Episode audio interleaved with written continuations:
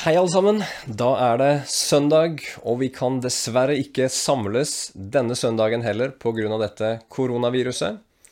I dag er det 22. mars, og eh, her kommer vi allikevel da med litt informasjon og selvsagt forkynnelse av Guds ord, slik som vi skal gjøre søndagene framover.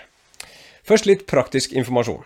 Som mange har fått med seg, men kanskje ikke alle, så har vi oppretta en Facebook-gruppe som heter Aktive på Betel Nærbø, hvor du kan bli medlem og bli med i noe som iallfall ligner på litt sosial kontakt. Hvor vi deler bønneemner, vi deler eh, bibelvers, vi deler litt eh, undervisning fra Guds ord, og hvor du også kan eh, ha litt kontakt og høre og få litt informasjon om hva som skjer med de forskjellige på Betel.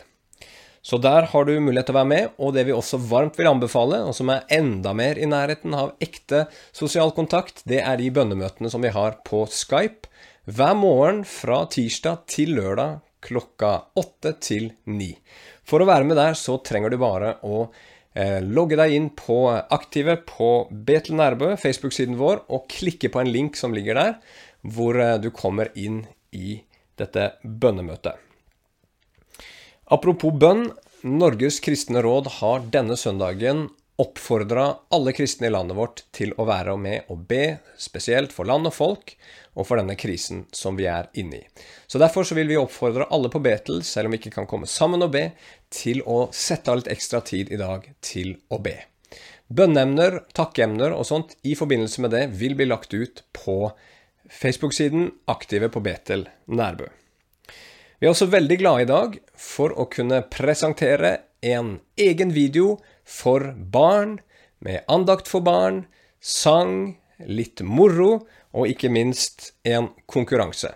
Det vil komme en link til denne videoen i beskrivelsen under. Og så gjenstår det så klart å si til slutt at det er mulig fortsatt å ta kontakt hvis dere skulle ønske det for samtale, for forbønn eller andre ting på Betels telefonnummer 41 Nei, unnskyld. 51, 43, 48, 46. Så vær så god hvis dere ønsker å ta kontakt der. Jeg er tilgjengelig. Sånn, da skal vi gå inn i Guds ord. Denne søndagen skal vi fortsette i Johannes' åpenbaring, og vi har nå kommet til kapittel 14. Er du helt ny, og ikke har fått med deg noen av talene tidligere i denne serien, så kommer det en link under videoen til eh, lydopptak fra de forrige delene av serien. Eh, fra vi begynte denne serien her om Johannes' åpenbaring, så har jeg angra flere ganger. Eh, og mange har spurt, eh, eller har nevnt dette for, da, at jeg driver og forkynner fra Johannes' åpenbaring, har sagt 'hæ'? Eh, at du orker, liksom. Eh, og, og, det var en, en, en, frustrasjon for meg også underveis. Og mange ganger så tenkte jeg at dette her blir for virkelighetsfjernt. Dette er, dette er for vanskelig å, å, knytte til menneskers liv her og nå. Men nå, når det er et eh, svært smittsomt virus løs i verden, Eh, når vi ser at eh, det er stort kaos i verdensøkonomien, og, og vår egen regjering ber om spesielle fullmakter, så blir plutselig ikke Johannes' åpenbaring lenger en veldig virkelighetsfjern bok, men den minner en god del mer plutselig om vår hverdag. Som jeg har sagt før, så er Johannes' åpenbaring en vanskelig bok, og det er den fordi den inneholder så mange bilder som er vanskelig å forstå. Men det er likevel en, en, en, bok som vi bør bruke tid på å prøve å forstå, og den krever litt tålmodighet. Men vi bør gjøre det fordi det finnes mye rikdom i den, mye å forstå, mye å lære, hvis vi bare tar oss tid til det. Sist gang, i kapittel 13, så snakka vi om et vesen som ble kalt for dyret. Og vi så at dette her var et bilde på en ond hersker i et verdensomspennende rike som skal oppstå i den siste tid. Og det skal være en slags kulminering av alle verdens riker i opposisjon til Gud. Ja, vi så til og med at dette dyret framsto som en slags fake Jesus og tilbød seg å redde verden Men istedenfor å gi sitt liv for oss slik den sanne Jesus har gjort, så ville han redde verden gjennom å tvinge den til å, å, å, å tilbe han, tvinge dem til å lyde han, og han fikk kontroll over hele verden, og han var godt hjulpet av et annet vesen som ble kalt for den falske profet, som er et slags symbol på verdens religiøse makt. Eh, og så var det de da som ikke ville bøye seg for dette dyret, de som ikke ville ta dette dyrets merke på sin panne eller sin hånd, de ble forfulgt og drept. Så på mange måter så er det bildet Bibelen tegner av de siste tider, eh, en slags, eh, et slags høydepunkt, om vi kan bruke det ordet, hvor alt det verste i alle totalitære regimer opp gjennom historien får sin eh, oppfyllelse og, og, kulminering. Og dette her er rett før da verden tar slutt, og Jesus kommer tilbake. Så det Gud forteller oss gjennom denne historien, det som vi leste sist gang, er at det koster å være en kristen, og det kommer til å koste mer ettersom enden nærmer seg. Og spørsmålet som jeg tror mange av oss da stiller oss når vi hører dette, er Kommer jeg til å bli stående når det blir tøft, når det kommer til å koste noe? Kommer jeg til å klare å bli stående i de prøvelser og vanskeligheter som kommer hvis jeg vil følge Jesus? Og svaret på det kommer i det kapitlet som vi skal se på i dag, i kapittel 14. Og I dag så har jeg satt som tittel To evige skjebner. Og Vi skal først se på de helliges jubel, det er punkt nummer én. Punkt nummer to advarsler til de ugudelige. Og punkt nummer tre det kommer en høst. Så hvis du har Bibelen din, så vil jeg anbefale at du slår den opp nå i Johannes' åpenbaring kapittel 14, og så skal vi begynne med å lese fra vers 1 til 5. Der står det. Deretter så jeg og se, et lam står på Sions berg, og sammen med ham 144 000 som hadde hans fars navn skrevet på sin panne. Og jeg hørte en røst fra himmelen som lyden av mange vann, som lyden av kraftig torden. Og jeg hørte lyden av harpespillere som spilte på sine harper. De sang en ny sang foran tronen, foran de fire livsvesener og de eldste, og ingen kunne lære den sangen uten de 144 000 som var kjøpt fra jorden. Dette er de som ikke var blitt urene med kvinner, for de er som jomfruer. Dette er de som følger lammet hvor han enn går, de ble kjøpt fra menneskene for å være en førstegrøde for Gud og for lammet, og det ble ikke funnet svik i deres munn, for de er uten feil framfor Guds trone. Før vi begynner å gå inn i teksten, så skal vi be sammen. Ja, kjære himmelske Far. Herre, selv om ikke vi kan samles på vanlig måte denne søndagen, Herre, så trenger vi virkelig å høre ditt ord. Og selv om vi ikke kan formidle det, Herre Jesus, i, i levende live, Herre, men bare gjennom slike medium som video og, og, og taleopptak, Herre Far, så eh, lover vi og priser vi deg, Herre, for at ditt ord er like kraftfullt, like virkelig, like levende for det. Det handler ikke om hvem som formidler det, eller, eller hvilket medium det blir formidla gjennom, men det handler om at det virkelig er ditt ord. Og Derfor så ber jeg om nåde nå, Gud, til å formidle ditt ord på rett måte, til å formidle det i åndens kraft, og jeg ber deg, Herre, om å hjelpe hver enkelt av oss, Herre, til å ha åpne hjerter som kan ta imot, og gi oss også forstand, Herre, til å forstå og begripe disse ordene som du har gitt oss. Vi ber om det i Jesu navn. Amen. Da begynner vi med punkt nummer én. Jubel fra de hellige. Så etter dette dramatiske kapittel 13, hvor vi fikk høre om dette mektige dyret som skal tvinge jorden under seg og forfølge de kristne, så får Johannes et nytt syn. Og nå ser han et lam som står på Sions berg, og som er omgitt av 144 000 mennesker som har Guds navn skrevet på pannene sine står det. En kontrast da til de som hadde dyrets merke på sine panner eller på sin hånd.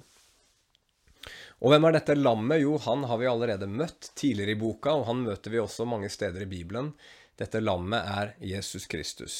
Guds sønn og Guds fullkomne offerlam som ga sitt liv for verdens synder på korset og kjøpte mennesker til Gud.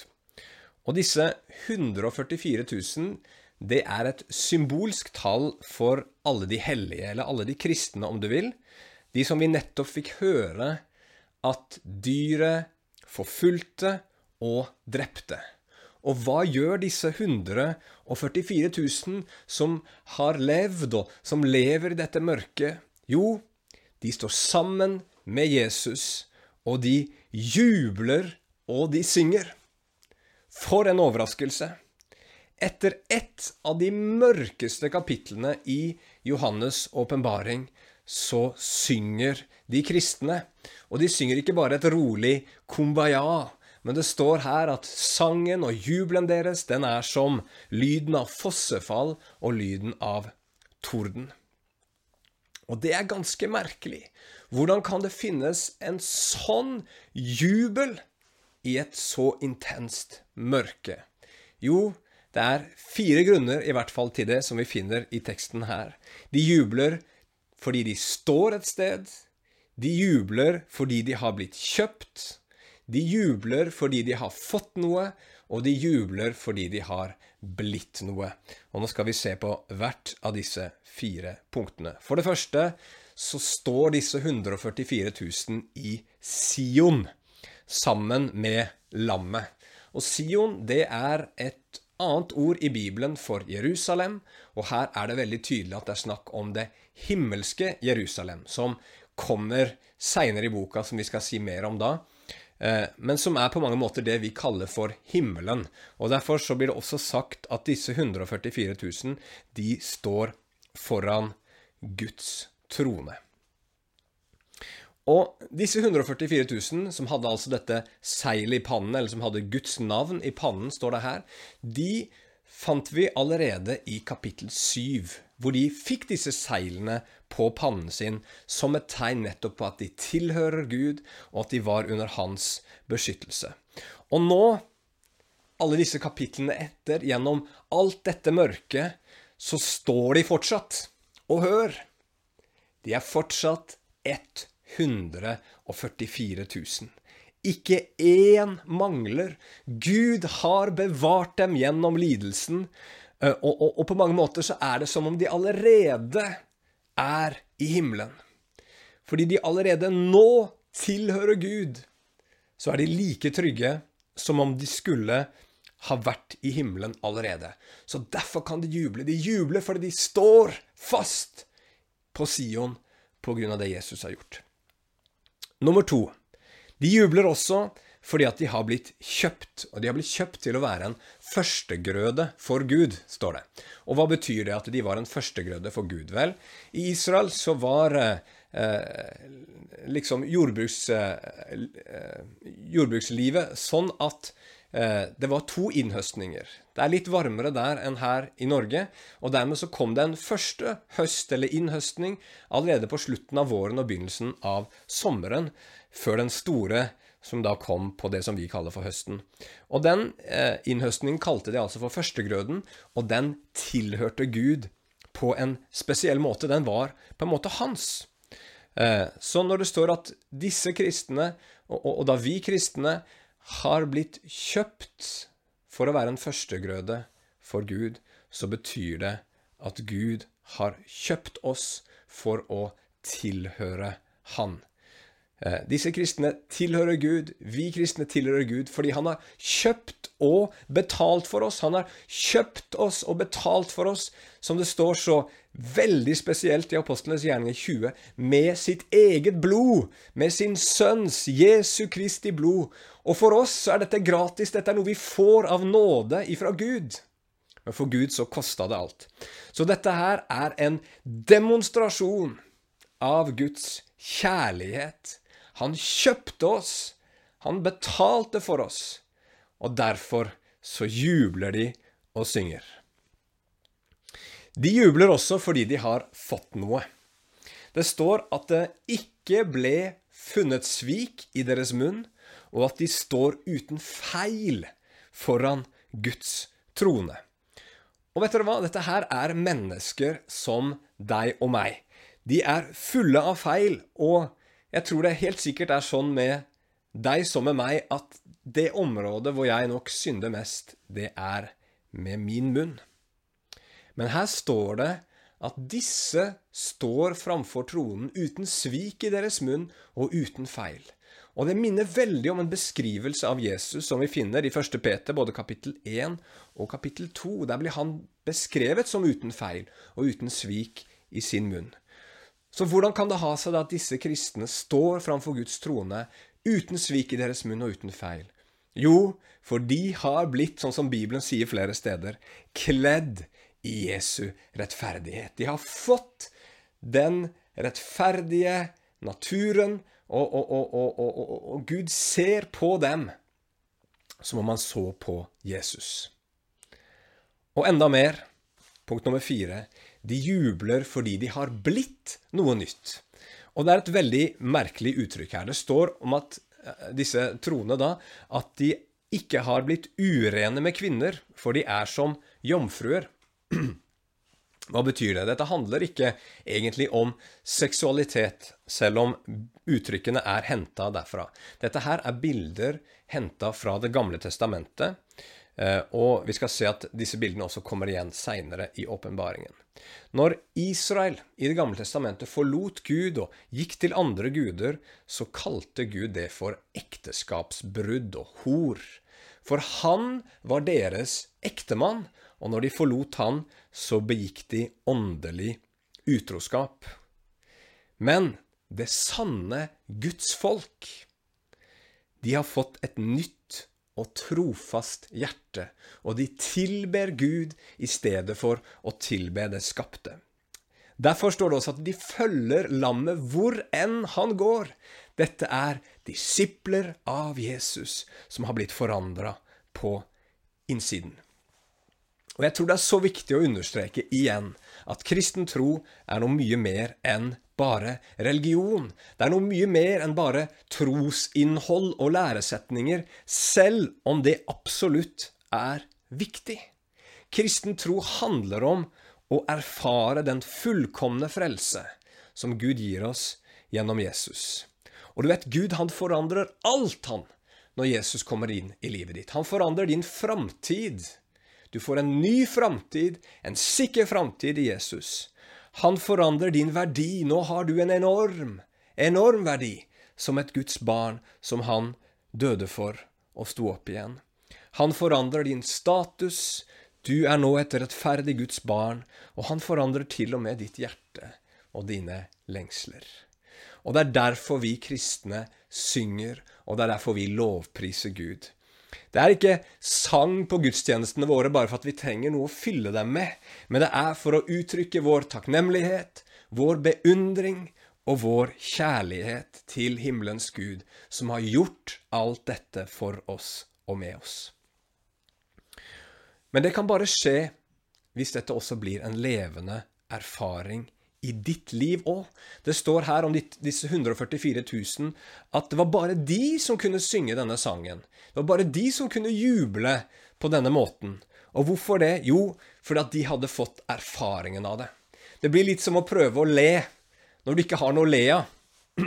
Når du prøver å le, liksom, bare å, å tvinge deg sjøl til det, så blir det nokså eh, anstrengt, og det blir tørt og tomt.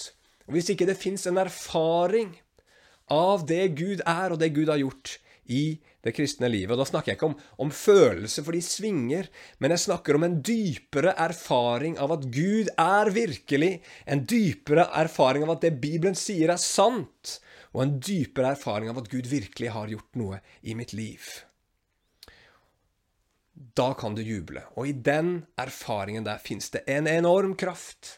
Det fins en så stor kraft at mennesker opp igjennom historien i helt umenneskelige forhold i fengsel, i nød, i lidelse, i sykdom, har kunnet lovprise Gud. Og lyden var kanskje ikke så veldig voldsom der og da, men det runga helt sikkert i himmelen. Så hva som enn skjer med oss, så kan vi alltid juble for å prise vår Gud, for Han har seira for oss. Og den seieren er sikker som fjell, og ikke et jordisk fjell, men sikker som de himmelske fjell, sikker som Sions berg. Punkt nummer to er advarsler til de ugudelige. Det kommer en ny scene i eh, kapittelet, og vi skal lese fra vers 6 til 13. Og der står det, Og jeg så en annen engel som fløy midt på himmelen. Han hadde det evige evangeliet å forkynne for dem som bor på jorden, for hvert folkeslag, stamme, tungemål og folk. Og han sa med høy røst, Frykt Gud og gi ham ære, for timen for hans dom er kommet, og tilbe ham som gjorde himmelen og jorden, havet og vannets kilder. Og en annen engel fulgte etter og sa, Falt, falt er Babylon, den store byen, fordi hun har fått alle folkeslag til å drikke av sin utukts vredesvin. Så fulgte en tredje engel etter dem og sa med høy røst, Hvis noen tilber dyret og hans bilde, tar imot hans merke på pannen eller på hånden, da skal han selv drikke av Guds vredesvin, som blir utøst ublandet i hans vredes beger. Han skal pines med ild og svovel foran de hellige englene og foran lammet. Og røyken av deres pine stiger opp i all evighet, og de har ingen hvile, verken dag eller natt, de som tilber dyret og hans bilde, og hver den som tar imot hans navns merke. Her er de helliges tålmodighet. Her er de som holder fast på Guds bud og troen på Jesus. Så hørte jeg en røst fra himmelen som sa til meg, Skriv, salige er de døde som dør i Herren fra nå av. Ja, sier Ånden, slik at de får hvile fra sitt strev, og deres gjerninger følger med dem. Ok, Her skifter altså scenen, og vi får nå tre engler som kommer med hvert sitt budskap til verden. De kommer med advarsler til alle de som vender seg bort fra Gud. Dette her betyr ikke at det en dag i framtiden kommer engler på himmelen som skal rope ut disse tingene. Det, det, dette er bare et uttrykk for Guds generelle budskap til hele verden, som opp gjennom historien alltid har hatt sine budbærere. Så den første engelen, står det, han kommer med et evig eller det evige evangeliet, litt ettersom hvilken oversettelse du har. Men vi ser at det er også en advarsel her. Folkene må frykte Gud, folkene må gi ham ære, folkene må tilbe ham, fordi han kommer for å dømme jorden. Og Da kan vi jo spørre oss hva i all verden har det med evangeliet å gjøre? Budskapet om at Jesus døde for våre synder og, og sto opp fra de døde for å seire over synden, døden og djevelen. Jo, dette her er evangeliet fordi, som en amerikansk pastor, John Piper, har sagt, og til og med skrevet en bok om, Gud er evangeliet. Jesus døde ikke bare for at du og jeg skulle få leve evig.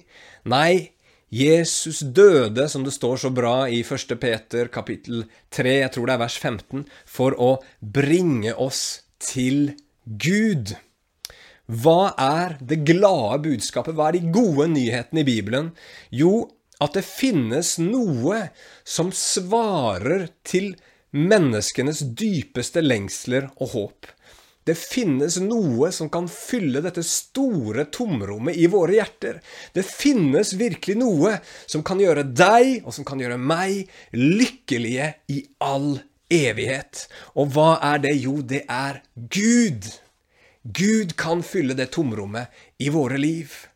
Ja, han er den eneste som kan gjøre det.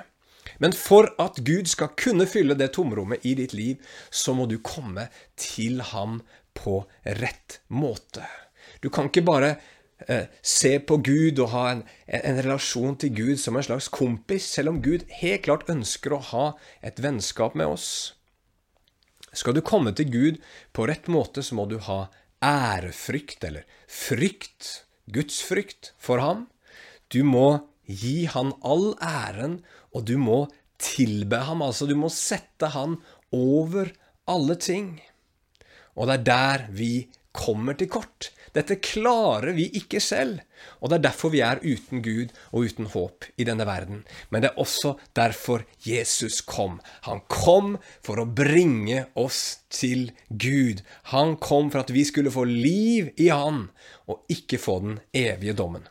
Og den dommen, den rammer nemlig alle mennesker som forkaster Gud. Og hvorfor gjør den det?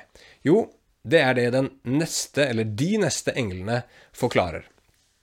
Engel nummer to eh, forteller oss at Babylon den store er falt. Eh, og så står det litt sånn gammeldags, da, fordi hun har fått alle folkeslag til å drikke av sin utukts vredesvin. Hva i all verden betyr det? Eh, en annen oversettelse er litt lettere å forstå. Der står det 'Hun som har skjenket alle folkeslag med vredens vin fra sitt horeri'. Jeg vet ikke om det hjalp så veldig mye, kanskje, men bildet her er av en kvinne som skjenker verden full med sin rus, og leder dem inn i utroskap mot Gud. Det er en kvinne som lover lykke, men som i stedet gir dem bitterhet og vrede, og som selv ender opp med å falle og bli tilintetgjort. Hva er dette et bilde på? Hva er Babylon, den store byen, som det står her? Jo, jeg tror dette er et bilde på det Bibelen ganske enkelt kaller for verden. Og Hvis vi leser i en annen bok av Johannes, Johannes første brev, så sier han følgende om verden. Det er i kapittel 2 og vers 15-17. Elsk ikke verden eller de ting som er i verden. Hvis noen elsker verden, er vår Fars kjærlighet ikke i ham. For alt som er i verden, kjøttets lyst, øynenes lyst og stoltheten i livet, er ikke av vår Far, men av verden. Og verden forgår, og det samme gjør verdens lyst. Men den som gjør Guds vilje, forblir til evig tid. Denne verden tilbyr oss mye som vekker begjær i oss. Lysten til fine ting, lysten til seksuell nytelse i mange former, lysten til makt og lysten til beundring. Og vi begjærer disse tingene nettopp fordi vi har et tomrom i oss. Men som Johannes sier, verden forgår, den blir borte. Verden kan gi oss noe en liten stund, men enden på det blir sorg, Babylon, verden, kommer til å falle. Så hvis du akkurat nå lever mot Guds bud, enten i begjær, i materialisme, sex utenfor ekteskapet, pornografi, karriere og søken etter popularitet, så advarer Bibelen deg. Dette vil forsvinne, og du vil selv sier Bibelen, få smake vrede. Og hva i all verden betyr det? Jo, den siste engelen forklarer det. Den siste engel sier at alle de som tar dyrets merke, dvs. det vil si alle de som setter sin lit, som stoler på og bygger sine liv på denne verdens makter, som tilber dem, de også skal få drikke av Guds vredesvin i ren form, ublandet, står det her. Og så forklares det videre hva det betyr med ganske sterke ord. Der står det han skal pines med ild og svovel foran de hellige englene og foran lammet, og røyken av deres pine skal stige opp i all evighet, og de skal ikke ha noen hvile dag eller natt. Hva i all verden er dette her? Vel, det er veldig viktig å forstå at når Bibelen, Bibelen snakker om dette, om det vi kaller for helvete, eller om fortapelsen, så viser Bibelen oss at det fins noe dypt rettferdig og logisk i det. Nå er det ikke akkurat sånn det ser ut på overflaten for de fleste. Manges oppfatning av kristendommen er at den er fryktelig både barbarisk og urimelig. Ikke bare må mennesker pines fordi de ikke gjorde Guds vilje, men Gud skal pine dem i all evighet. Det høres barbarisk og urimelig ut. Men når du leser Bibelen, f.eks. i Romerbrevet kapittel 1, så ser du at Guds dom og Guds vrede ikke først og fremst er at Gud liksom gir mennesker smerte. Nei, når Gud dømmer og, og utøser sin vrede over mennesker, så er hans dom at han gir dem det de vil ha. Vil du leve i synd, sier Gud. Vil du leve uten meg? Ok. Og så gir han oss litt først, sånn at vi kan se hva vi begir oss inn i. Så lar han oss smake sorgen og bitterheten fra et liv i synd og et liv uten Gud. Og hvis du og jeg insisterer på at vi vil fortsette med det, at vi vil gå videre i det, så gir Gud oss enda mer. Og det gjør han for å vekke oss opp til vår egen dumhet. Og sånn fortsetter det helt til vi kommer til dommens dag. Og da står det at hvis vi ikke da har vendt om i løpet av dette livet, så får vi Guds vrede ublanda. Det betyr rett og slett at da får vi vår synd, og vi får vår gudløshet i full pakke. Og hva er resultatet? Jo, det blir som å være fryktelig tørst, og alt du har tilgang på, er saltvann. Du drikker og drikker, men tørsten bare vokser og vokser, og situasjonen blir verre og verre. Sånn er evigheten. Uten Gud. Sånn er fortapelsen. Det er tørsten etter Gud, som aldri kan bli tilfredsstilt, som gjør evigheten så pinefull. Og legg merke til at i det vi leste nettopp, så er ikke Gud aktiv i den pinen som disse menneskene går igjennom. De ugudelige blir pint, står det, men det er ikke Gud som piner dem. Det er at disse menneskene, de søkte lykke i rusen fra denne verdens vin, men så oppdaga de det som enhver alkoholiker på et eller annet tidspunkt oppdager. At det som først gir en følelse av både lykke og trøst, egentlig er en gift som ødelegger deg. Og da kan det være umulig å komme ut. Og sånn er det med fortapelsen også. Den er umulig å komme ut av. Hvorfor det? Jo, fordi at den eneste som kan hjelpe, det er den eneste man ikke vil venne seg til. Og Derfor så står det her at disse menneskene ikke finner noen hvile i all evighet. Så det Gud prøver å si til alle mennesker her, det er å advare oss at hvis du og jeg søker å finne vår dypeste glede, trøst og trygghet i det denne verdens lyster og makt har å tilby, så har vi valgt døden framfor livet. Og for oss kristne så vil dette kreve utholdenhet, står det her. Hvorfor det? Jo, fordi at akkurat nå så ser det helt motsatt ut. Det ser ut som om lykken finnes i det å ha rikelig av det som denne verden kan tilby. Og det kan virke som om det er de som forkaster Jesus og bøyer seg for det som er akseptabelt i denne verden, at det er de som finner hvile. Man kan ikke se det med sine fysiske øyne. Derfor taler Gud til oss om dette gjennom sitt ord, og forteller oss gang på gang på gang gjennom Bibelen at det egentlig er omvendt. At det er de som dør, selv når de dør i Herren. De som forlater dette livet som kristne. Kanskje er de fattige, kanskje er de forfulgt, kanskje er de forakta av verden. Men det er de som er de salige. Det er de som faktisk er de lykkelige. For de, som det står her, skal finne hvile. De skal finne hvile fra sitt strev. Og det blir litt sånn som det kanskje var Nå levde jo ikke jeg, da, men på den tiden, men under andre verdenskrig her i Norge. Nazistene kom og okkuperte landet, og hver norsk innbygger ble satt og stilt på et valg.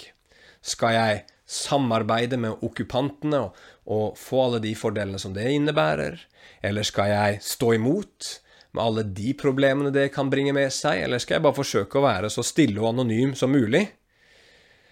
Og ingen visste på det tidspunktet hva som kom til å lønne seg i det lange løp, for ingen visste at nazistene en dag kom til å tape krigen. Men i dag så hyller vi de som valgte å gjøre motstand. Og hvorfor valgte de å gjøre motstand? Jo, fordi at de trodde at det var det rette å gjøre. Og vi som er kristne, vi har en stor fordel. Vi vet ikke bare hva som er rett, vi vet også hvordan ting kommer til å gå til slutt. Vi vet at det å følge Jesus, være trofast og lydig mot ham, det kommer til å lønne seg i det lange løp. For det kommer nemlig en dag da jorden skal bli dømt, og jorden skal bli høsta. Og utfordringen for oss, det er å leve i den sannheten der, akkurat her og nå. Og det er også mitt siste punkt. Punkt nummer tre det kommer en høst. Og vi skal lese de siste versene i kapittelet fra vers 14 til 20. Og der står det, Og jeg så og se en hvit sky, og på skyen satt en som lignet menneskesønnen. På sitt hode hadde han en gullkrone, og i sin hånd en skarp sigd. Og en annen engel kom ut av tempelet og ropte med høy røst til ham som satt på skyen. Sving sigden din og høst inn, for innhøstningens time er kommet for deg, for høsten på jorden er fullmoden. Han som satt på skyen, svingte da sigden sin over jorden, og jorden ble høstet. Så kom en annen engel ut av tempelet som er i himmelen. Han hadde også en skarp sigd, og en annen engel kom ut fra alteret. Han hadde makt over ilden og ropte med høy røst til ham som hadde den skarpe sigden, og sa, Skriv, eh, unnskyld, sving den skarpe sigden din og høst drueklasene på jordens vintre, for druene er fullmodne på det. Så svingte engelen signen sin over jorden og høstet jordens vintre, og han kastet frukten i den store Guds vredes vinpresse. Og vinpressen ble tråkket utenfor byen, og det fløt blod ut av vinpressen, helt opp til bislene på hestene, så langt som 1600 stadier utover. Kapittelet avsluttes med en innhøstning. Først så er det en som ligner en menneskesønn som sitter på en sky, og som høster jordens korn. Og det er et bilde på Jesus. Jesus Kristus som kommer igjen for å hente alle som tror på Han hjem til et evig liv. Og når skal det skje? Jo, forstår vi her, når jordens grøde er fullmoden. Når alle mennesker har fått høre evangeliet. Når det som Bibelen kaller for fylden, har kommet inn, og alle de som vil vende om, har vendt om, da kommer Jesus tilbake. Så evangeliet skal først nå ut. Og så kommer det like etterpå en annen høst, en, en druehøst. Og da er det en engel som blir sendt ut for å samle disse druene inn og, og kaste dem i Guds vinpresse. Og dette her er ganske grafisk og ganske dramatisk, hvor blod flyter ut av denne vinpressen, og, og, og blodet flyter eh, flere eh, titalls kilometer vekk. Og, og, det står like opp til bislet på hester, så sikkert halvannen meter høyt. Dette her er selvsagt symbolsk, og eh, jeg tror vi skal finne ut seinere i boka at dette her handler om en siste krig som skal finne sted ved Jesu gjenkomst. Men det er allikevel et bilde på Guds dom. At Gud kommer tilbake for å dømme levende og de døde. Og når kommer dette til å skje? Jo, det kommer ikke bare til å skje når evangeliet har nådd ut og fylden har kommet inn av de troende, men det kommer også til å skje når menneskenes ondskap er fullmoden. Gang på gang gjennom Det gamle testamentet så venter Gud med å gripe inn eh, i, eh, i, menneskers ondskap for å gi dem en sjanse til å vende om. Men så kommer det et punkt, og det ser vi i mange historier i Det gamle testamentet, hvor disse menneskene fyller sitt, sine synders mål, som det står. Og da er det Gud som sier 'nå er det nok'. Nå er det stopp. Og så griper han inn, og så dømmer han. Så kjære venner. Budskapet i det som vi har lest i dag, er at det finnes to, og bare to, evige skjebner etter dette livet. Det fins evig død, i pine og i tomhet, borte fra Guds herlighet i all evighet og uten hvile. Og det finnes evig liv det finnes lykke, det finnes glede sammen med Gud i all evighet. Det finnes en evig hvile fra alt strev. Og det finnes ett spørsmål som avgjør hva din og min evighet kommer til å se ut som. Og det spørsmålet er, hva gjør du med han som vi hørte om i begynnelsen her? Hva gjør du med Guds lam? Hva gjør du med Jesus? I dag så kaller Gud på deg og på meg til å vende om til Han, til å si nei til synden og til å følge Jesus trofast, Han som døde for oss, for å føre oss til Gud. Og har du rota det til, har du svikta, har du ikke fått livet ditt til med Jesus, så fins det nåde for deg igjen. Du kan igjen komme til Jesus, du kan igjen få vende om, du kan igjen bli rensa og få lov å starte på nytt igjen med en ren samvittighet og en sann glede. Og så skal vi vite det, at Bibelen ikke tegner noe glansbilde av dette. Det kommer mørke dager. Det kommer dager da du og jeg kommer til å bli frista til å gi opp. Det kommer dager hvor vi kommer til å bli frista til å gå på kompromiss. Og vi kommer til å lide for Hans navn. Her er Bibelen veldig tydelig. Men kjære venner, det lysner alt av dag. Frelsen er oss nærmere nå enn da vi kom til troen. Og de som holder ut, ikke i egen kraft, men ved Guds kraft, ved å se på troens opphavsmann og fullender, Jesus Kristus, de er de salige, de er de lykkelige. Amen. Skal vi be sammen til slutt. Kjære himmelske Far. Hjelp oss å leve her og nå i denne verden med blikket festa på evigheten, Herre. Vi skal bare være her nede en kort tid, hvor eh, trengsel og, og, og, og våre vanskeligheter er ikke spesielt langvarige, Herre, sammenligna med den evighet som du kaller oss til. Og jeg ber om at hvis noen hører på det her og ikke har fått fred med deg, Gud, så hjelp de, Herre Jesus, til å venne seg til deg, og til å se at hos deg er veien, sannheten og livet. Og la de få erfare virkelig, Herre, hvordan du, Gud, kommer inn og fyller de dypeste lengslene i deres hjerter. Og hjelp oss, Herre, som er kristne, til å stå i denne tiden, til å frimodig vitne om dette i Jesu Kristi navn. Amen. Takk for i dag, og Gud velsigne dere.